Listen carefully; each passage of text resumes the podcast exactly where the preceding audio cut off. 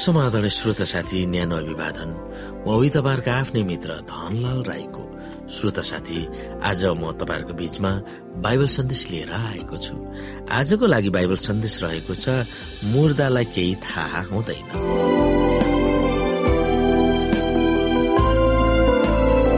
श्रोता साथी वास्तविक रूपमा मानिस मरेपछि उसको अवस्था के हुन्छ भनेर बाइबलले हामीलाई के बताउँदछ?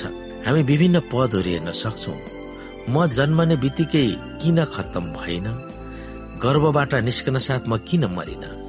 मलाई ग्रहण गर्नलाई काख र मेरो स्याहार गर्न स्तनहरू किन थिए? त्यसो हुँदो त म शान्तिमय शून्य चिहानमा पढिरहने थिएँ। म मृत्युको निन्द्रामा सुतिरहेको हुने थिएँ र विश्राममा हुने थिएँ। अयु दिन अध्यायको एघारदेखि तेह्र। श्रोता मरेकाहरूले परमप्रभुको प्रशंसा गर्दैनन्। मृतलोकमा वा चिहानमा जानेहरूले उहाँको प्रशंसा गर्दैनन् भनेर भजन सङ्ग्रह एक सौ पन्ध्र अध्यायको सत्रमा लेखिएको छ। ए मेरो प्राण परमप्रभुको प्रशंसा गर। म जीवनभरि परमप्रभुको प्रशंसा गर्नेछु।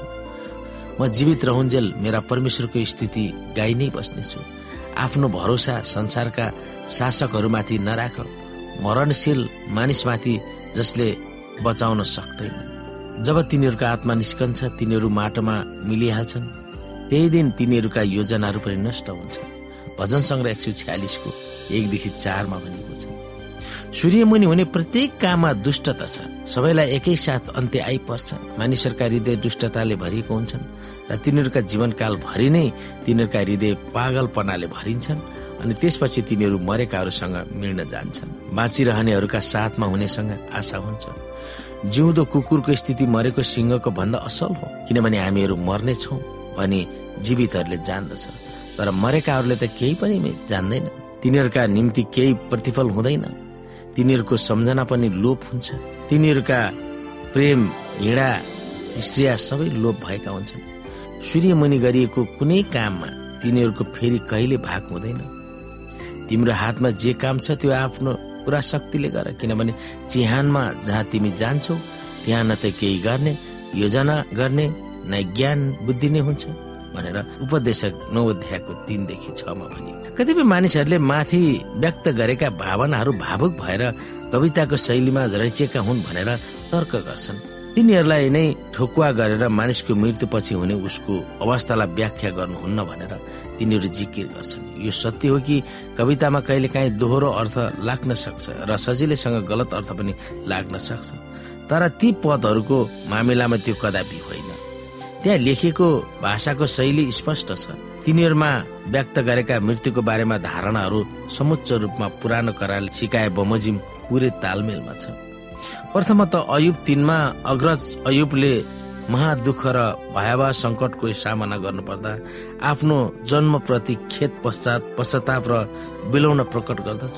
अत्यन्तै भीषण वा आतताई क्षणमा आफू नजन्मेको भए पनि हुन्थ्यो भनेर कसले व्यक्त गर्दैन होला? यदि जन्मको बेलामा आफू मरेको भए आफू सुतिरहने थियो र विश्राम पाउने थियो अयुब तीन अध्यायको एघार तेह्रमा महसुस गर्दछन्।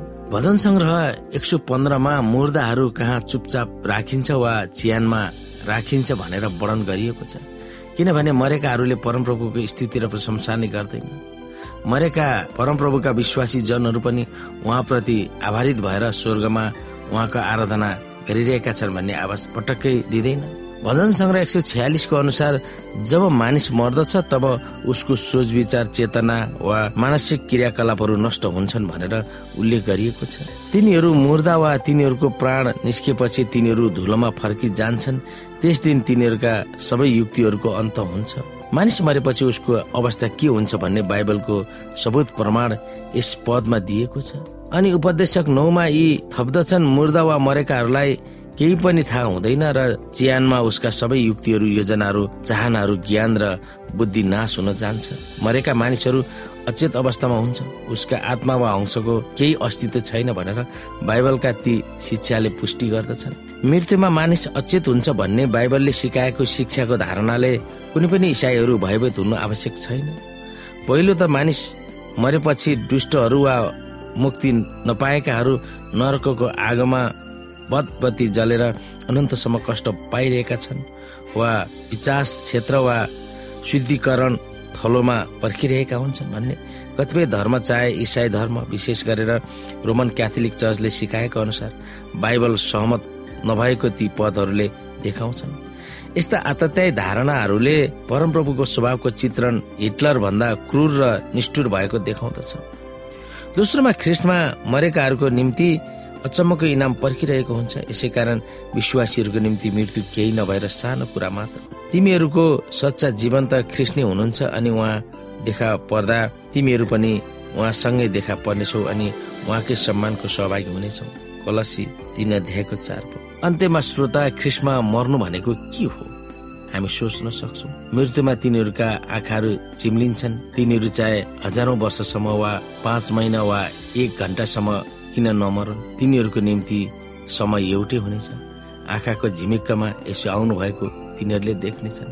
त्यसकारण यस परिवेशमा मरेकाहरू पहिले नै हामी भन्दा असल ठाउँमा वा स्वर्गमा रमझम गरिरहेका हुनेछन् भनेर गरिएको तर्क के उपयुक्त छ त? त्यो विषयमा हामी सोच्न सक्दछौ। श्रोता साथी आजको लागि बाइबल सन्देश यति नै। हस्त नमस्ते। जय मसिंह।